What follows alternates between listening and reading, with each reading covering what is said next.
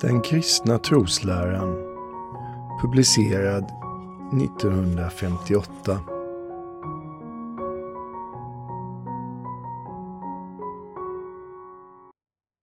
Inledning Det är för oss en stor lycka att vi är kristna.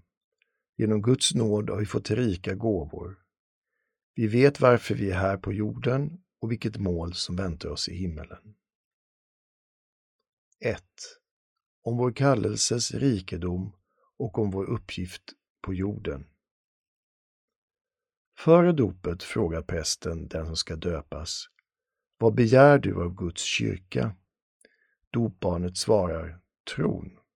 Prästen frågar, Var till gagnar dig tron? Dopbarnet svarar, Tron för mig till det eviga livet.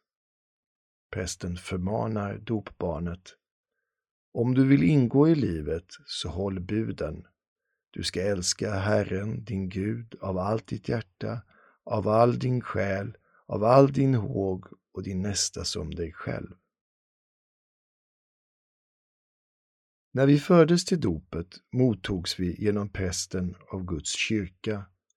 Genom prästen hälsades vi välkomna av hela den kristna församlingen, av helgonens oräkneliga skara och av Jesus Kristus, vår frälsare, som genom den heliga Ande vill föra oss hem till Fadern. Genom dopet fick vi tillgång till kyrkans rika skatter, tron som Kristus ger oss, sakramenten varigenom det gudomliga livet skänkes oss, budorden som visar oss vägen till himmelen och Kristi eget exempel som manar oss till ett liv i hans efterföljd.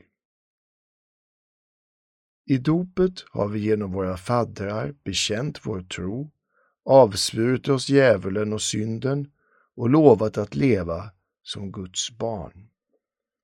Nu måste vi som Guds barn fylla vår uppgift här på jorden, att lära känna Gud och fortskrida i kunskap om honom, att älska honom av hela vårt hjärta, att tillbedja honom och tjäna honom med alla våra krafter. Om vi är Guds barn här på jorden och lyder hans vilja ska vi en gång få leva med honom i evighet. Till eftertanke. Vem tog emot oss när vi fördes till dopet?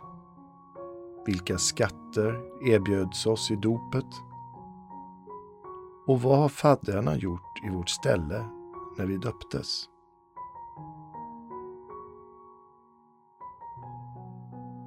Varför lever vi här på jorden?